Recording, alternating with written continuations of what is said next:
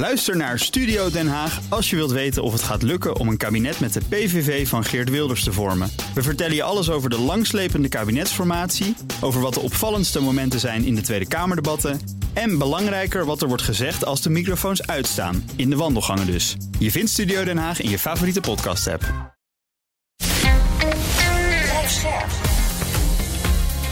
BNR Nieuwsradio. Boekenstein en de Wijk. Hugo Reitsma. Dit is een extra uitzending van Boekenstein en de Wijk in verband met de oorlog in Oekraïne en de crisis met Rusland. Het is vrijdag, dag 345 van de invasie. En we beginnen vandaag in Stalingrad. Ja, de geschiedenis. Hè? De geschiedenis komt weer terug. En de geschiedenis die herhaalt zich niet. Maar je ziet wel soms patronen. Hè? Het rijmt, zeggen ze dan heel mooi. Weet je nog bij Stalingrad dat er dus 1 miljoen mensen zijn omgekomen? Moet je voorstellen, 1 miljoen. Ongelooflijk. Ja. En weet je nog, de Russen die stuurden ook soldaten zonder wapens. Hè? Met, met hooivorken. En dat doet ons een heel klein beetje denken aan wat er ook in de Donbass gebeurt. Dat er ook mensen met, met slechte schoenen en wapens daar naartoe gaan. Opmerkelijk, ik- opmerkelijk hè, dat dus die, die Russische jonge mannen, maar daar gaat het om, dat die dat accepteren. Ongelooflijk. Ik, ik vind dat zo merkwaardig en eh, dat ook het, de bevolking dat accepteert. Ja. En er is een soort, ja, Er zit in de Russische gelatenheid. Ja, er zit in Russische zit leidzaamheid en gelaat. Er zit ook wat in, de, in die romans. Wij worden altijd gepakt. Weet je wel? Nou ja, Dat- je moet maar eens even, want je hebt toch ook die speech gezien hè, Ja. van eh, onze grote vriend Poetin in eh, ex-Stalingrad, nu Volgograd.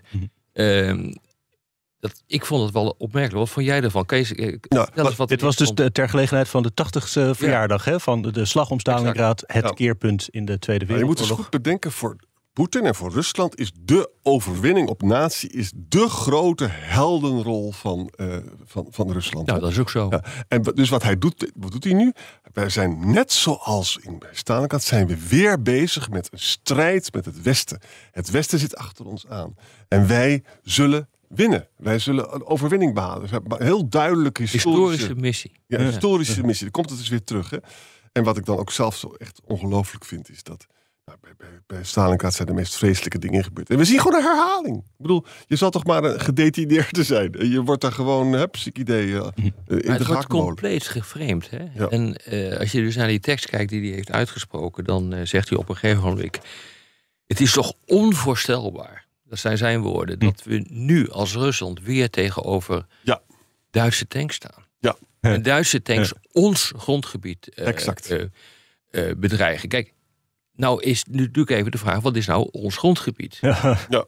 Is dat nou Rusland of is dat inclusief de bezette gebieden die volgens Rusland Russisch zijn geworden? Daar gaat het natuurlijk om. Dus in die zin, vanuit dat vind ik tamelijk zieke narratief, heeft hij eh, een punt. En kan hij dat ook verkopen aan de Russische bevolking, die kennelijk daar op een of andere manier intrapt.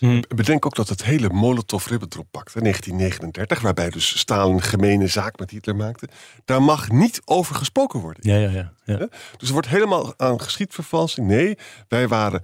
eh, eh, Hitler viel ons aan, maar we hebben, ze, we hebben Hitler overwonnen. Uiteindelijk zijn we beter geweest. Hè? Ja. Het is vreselijk. De, Ja, de nee, framing en, is en er zitten ook weer, weet je, in die speech, het is, het is heel consistent, moet ik zeggen. Ja. Mhm. Het is consistent met die speech die die eh, bijna twee jaar geleden alweer heeft eh, gehouden over eh, de historische rol van Oek- Oekraïne in het grote Russische Rijk. Ja. Maar ook die dreigementen die hij continu heeft eh Er zat hier weer een verhuld nucleair ja, die dreigement bij. Hè? weer in. die zat er weer in. Hij zegt van, eh, we staan dus nu tegenover Duitse tanks. Dat eindigt niet met panzer. En iedereen weet dat. Ja, dat is een verhuld nucleair dreigement. Want wat komt er dan nog boven panzer? Eh, dat kunnen natuurlijk aanvallen zijn op het NAVO-gebied. Dat Ja. kan, maar er is tot nu toe een rode lijn. Een rode lijn is natuurlijk ook nucleair. Maar die verhulde dreigementen zitten daar continu eh, in. En het gaat om onze waarden. En Exact. het gaat om, om onze geschiedenis. Ja. En, nog even, weet je, dit is gewoon, ja, dit hebben we eigenlijk sinds Hitler niet meer gezien. ja, en nog één minuutje over die geschiedvervalsing. Dat is ongelooflijk interessant. Kijk, je hebt dat Kiev-Russische Rijk, hè, 8e eeuw tot de 12e eeuw. Hij vindt dat dat het begin van Rusland is. Maar vanuit Oekraïne kan je zeggen, ja, maar dat was gewoon Oekraïens, was dat. Hè? Dat is ten onder gegaan, de 12e eeuw. En pas in de 1796 heeft Catharina de Grote Oekraïne ingelijfd. Hij doet dus net alsof het altijd al van Rusland is geweest. Eigenlijk is Moskou Oekraïens. Ja. Ja. Terwijl het, Mos Nee. het Moscovitische Rijk ontstond pas in de 14e, de 15e eeuw. Hm. Heel klein en heel moeilijk, want dan had je nog de Pools-Litouwse Rijk en zo. Het is één grote geschiedsvervalsing. E- Eventjes verder uit het hoofd van Vladimir Poetin eh, en zijn verkooppraatjes. Leerden we uit zijn toespraak ook nog iets over zijn doelstellingen of dat aanstaande verwachte eh lenteoffensief Nee, van nou, de dat niet, kant? maar wel zijn doelstellingen. Die blijven maximalistisch. Ja. Eh, Dus hij heeft het nog steeds over eh, de neonazies die daar eh, aan het bewind zijn, die eigenlijk het op Rusland hebben voorzien. Hij draait het nu zo dat er eigenlijk gewoon sprake is van een soort opmars maar naar Moskou. Wat natuurlijk gewoon echt lulkoek in het kwadraat is. Maar goed, ik bedoel, zo kun je het verkopen. En iedereen die schijnt er ook nog een keer in te trappen. Eh, nee, maar dat offensief speelt dus wel, eh, wel duidelijk een, eh, een rol. We weten bijvoorbeeld, als je naar de, de website gaat van, van de president, van, van Poetin, Hm. eh, dan vind je dus ook dat daar een, een meeting is geweest, heeft plaatsgevonden, over de reparatie en het oppeppen van de infrastructuur, bijvoorbeeld aan de grenzen met Oekraïne. Dat is niet onbelangrijk. Hè? Dus ook de, de Oekraïners hebben natuurlijk nogal eens een keer wat, eh, wat dingen eh, eh, kapot gemaakt daar met raketaanvallen. Geldt voor de Krim. Nou, dat weten we met die, Die brug. Krimbrug, maar dat geldt ook voor Belgorod. Dat weten we ook. Eh, militaire bases liggen daar. Maar ook zeg maar, er is ook enorme schade aangericht in de Koersk Oblast en de Briansk Oblast. En eh, dat komt dus door de aanvallen van de neonazis. Dat is Zelensky en zijn club. En de grote vraag is: waarom moet nu die, eh, waarom wordt nu aangekondigd dat die infrastructuur zo goed moet worden eh, hersteld? Dat heeft toch vermoedelijk te maken met het feit eh, dat hij een offensief voorbereidt. Dat, Hm. dat zie je op dit ogenblik ook uit het feit dat op 111 plaatsen, dat is echt heel veel hoor. Barrages. Aan, ja, exact. D- Daar vinden artilleriebeschietingen plaats. Over pakweg, als ik op de kaart goed kijk waar het allemaal ligt, dan zijn dat de Luhansk Oblast, dan is eh, dat de Donetsk Oblast en dat Zaporizhia Oblast. Daar gebeurt dat. Dus pakweg een. Nee, dat nog niet. Gerson ligt daar nu nog, nu nog buiten. Er gebeurt wel het een en ander. Er vindt Oh. ook een, eh, een redeployment plaats, dus een, het opnieuw plaatsen van troepen. Maar de echte gevechten vinden plaats, dus zeg maar in het, vooral in het, in het oosten. Ehm, en daar vindt ook een verversing van troepen plaats. Mhm. Eh, daar, eh, komen nieuwe, daar komen nieuwe fortificaties. Maar heel belangrijk is, is dat dus nu kennelijk, wat blijkt uit ehm, eh, uitgelekte stukken, dat ehm, Poetin nu heeft gezegd: in maart moet de Donbass veroverd eh, zijn. En dan moeten dus in ieder geval minimaal eh, de Luhansk en Donetsk oblasten zegt- helemaal in mijn Zegt ook de, de baas van de Oekraïnse militaire Ja, die heeft, Ja. dat, die heeft dat eh, gezegd. En die zijn door de bank genomen wel goed geïnformeerd, moet ik zeggen. En dat klopt ook meestal wel. Eh, dat wil natuurlijk niet zeggen dat hij in maart het ook allemaal eh, kan redden. Eh, want hij moet toch wel een, een, een probleempje oplossen. Eh, ze zijn bezig eh, onder Gerasimov, de hoogste militaire leider, om de boel te reorganiseren. Het wordt conventioneler, grote eenheden worden ingezet. Maar ja, het is nog steeds een zootje. En eh, dus zij zullen denk ik moeten gaan vertrouwen. Precies, en dan zijn we weer terug in, bij Stalingrad. Dat was toch een 43, hè, volgens Ja. mij. Waar je dus inderdaad Mensen. mensen nodig hebt, heel, heel veel mensen nodig Ja. hebt, om, laten we zeggen, in die tijd de kwaliteit van de Duitsers, en interessant nu ook de kwaliteit van de Duitse tanks, Ja. te, gaan, eh, te gaan compenseren met enorme hoeveelheid mankracht. En de ellende is dat kan. En het is Ja, dat kan. verschrikkelijk. Ja, ik, ik moet je eerlijk zeggen, eh, ik, eh, ik zat eh, deze week weer in zo'n geweldige conferentie met eh, allemaal van die eh, collega's uit het buitenland. En de stroming begint wel om te slaan. Hè, dus eh, ja, eh, Oekraïne heeft nog steeds kansen. Maar je ziet gewoon met de bijeenkomsten die we hebben, virtueel, via eh, Zoom en dat soort eh, eh, toestanden, dat, dat er wel wordt gedacht van, oeps, als ze dit maar gaan redden. En want als je gewoon echt nu naar de cijfers kijkt. eh, we hebben het rekensommetje wel eens eerder gemaakt, maar dat is nu ook weer bevestigd, moet ik, eh, moet ik zeggen. Eh 300.000, eh, ruim 300.000 man, 330 ongeveer, eh, zijn er nu ingezet door, eh, door Rusland. in Oekraïne. 200.000 dood. Ja, 200. nee, niet dood. Eh, dood of gewond. Dood of gewond. Uitgeschakeld. Ja. wat niet meer Ja. tot, ze- tot vechten in staat. Dan moet je constateren dat van de 300.000 die in september zijn gemobiliseerd, daar zijn er pakweg 150.000 niet voor ingezet. Mhm. Die worden nu langzamerhand klaargestoomd voor die gevechten. Dus dan zie je al een half miljoen. Maar wat gedacht wordt, is dat er niet 300.000 zijn opgeroepen, maar inmiddels al 500.000. En de initiële invasie veel. was met 150.000. En, hè? ja, exact. Dus je gaat nu naar, laten we zeggen, eh, vier keer zoveel. Dus je gaat, eh, je gaat, denk ik, naar, als dit klopt, die berekeningen, en ik denk dat het klopt. Want eh, we zien daar te veel voor. En als je het allemaal bij elkaar optelt en aftrekt. en je gaat nog eens een keer goed kijken wat er gebeurt. kom je gewoon naar 600.000 man. Ja, dat is wel echt heel erg lastig hoor. Ze maken van kwantiteit maken ze Mhm. kwaliteit. Waarbij dan de grote vraag natuurlijk gaat zijn waar die die gaat inzetten. In dat verband zag ik een spannend berichtje dat de Russen in Luhansk, dus het noordelijk deel van de Donbass, het eh, mobiele internet hebben uitgezet. Ja, Zodat er exact. geen informatie Nou ja, dat meer naar past buiten dus ook in dat hele idee dat hij echt bezig is nu met het voorbereiden van een offensief. En ik denk dat de tijd dringt voor hem. En dat heeft onder andere te maken met, eh, met die tanks die eraan zitten te komen. En het nieuwe wapenpakket Ja. eh, van de Amerikanen. eh, met die small diameter. Wanneer komt die aan? Ja, dat heb ik ook gevraagd aan, aan mijn collega's. Die weten dat niet. De komende maanden wordt er gezegd. En dat geldt ook voor de tanks. Je moet er ook mee om kunnen gaan. En eh, dus mensen moeten worden opgeleid, moeten worden getraind.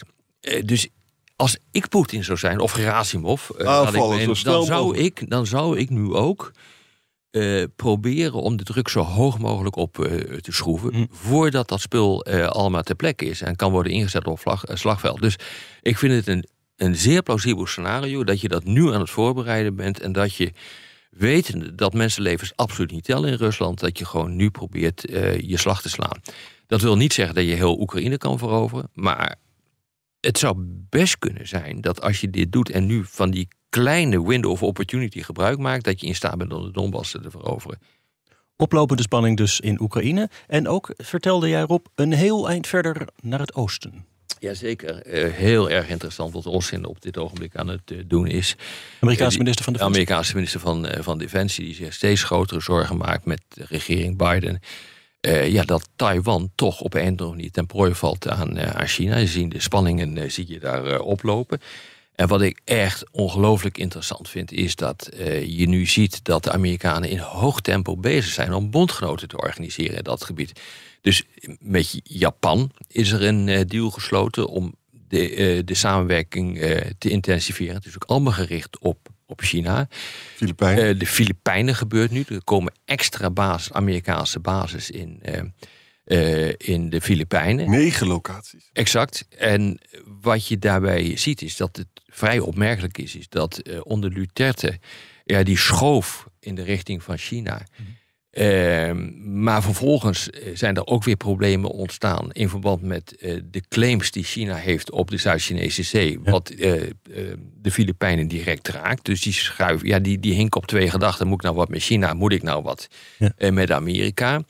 Je ziet nu dat interessant genoeg onder Marcos, de nieuwe president, de zoon van de oude, Ja. Eh, waarvan werd gedacht, en dat bleek ook tijdens de verkiezingsretoriek, eh, dat hij dat zou eh, willen, namelijk meer naar China.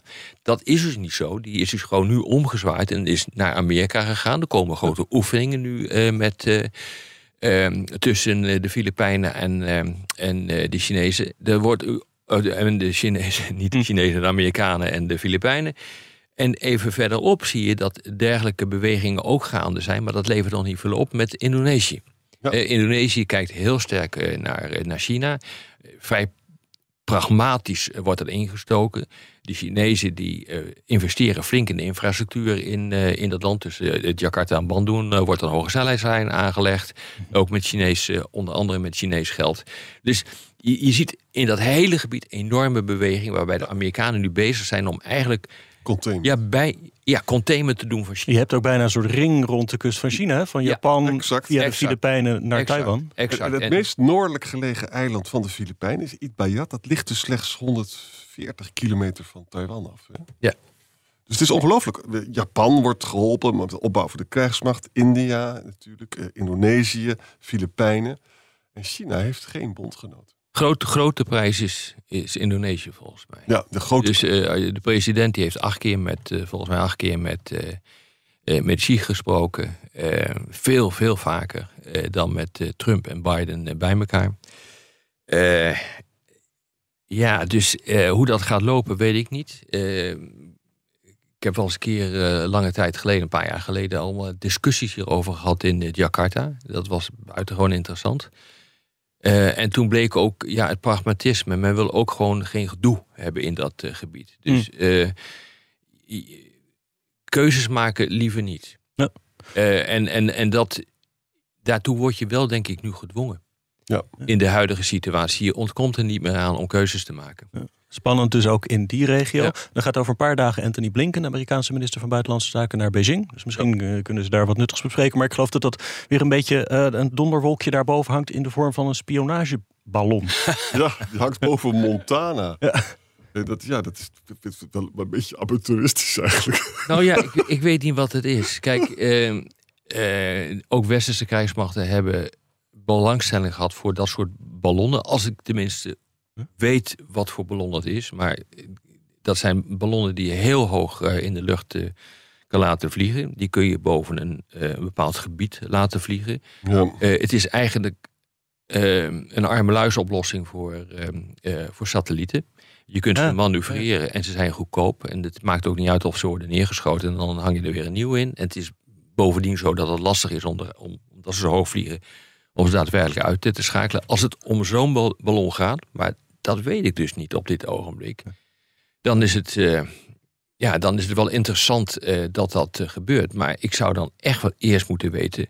waarom hangt dat ding daar? Wat wil je ermee? Wat voor sensoren zitten daarin? Maar dat dat soort ballonnen bestaan, even... Is de En dat is nu even Ja. de conclusie van dit verhaal. Dat is zeker. Die ballonnen bestaan. En ook in Nederland hebben die discussies wel eens gehad. Eh, zou je zo'n ballon moeten hebben om bijvoorbeeld eh, te hangen boven het slagveld in Mali? Ja. En die discussies zijn er wel geweest. Want eh, veel landen zijn niet in staat om satellieten te lanceren. Nederland doet dat nu bijvoorbeeld wel met hele kleine satellieten.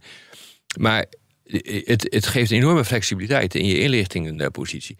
Ja. Ik ben heel benieuwd of dat ook zo'n ballon is die daar nu boven hangt. En dat weet ik gewoon niet. En wat ik interessant vind, ze Amerikanen willen niet uit de lucht schieten, want dan krijg je debris. Dan krijg je dat, er lopen dus mensen onder, dat kan je niet hebben. Oh, dat is zo weinig. Dat Eh. En wat ook nog En dan zijn weer een defense official zeggen van ja, het is een beetje gek dat ze het doen. Want ja, heeft, ge- geeft het nou een meerwaarde? Want met satellieten kan je natuurlijk ook alles doen. Maar goed, dit is, dit is veel goedkoper. Ik heb Maar- ook geen idee. Ik, ik- dat is voor mij ook de grote vraag. Ja. Waarom ze die doen. En dat hangt er weer vanaf wat voor sensoren erin zitten.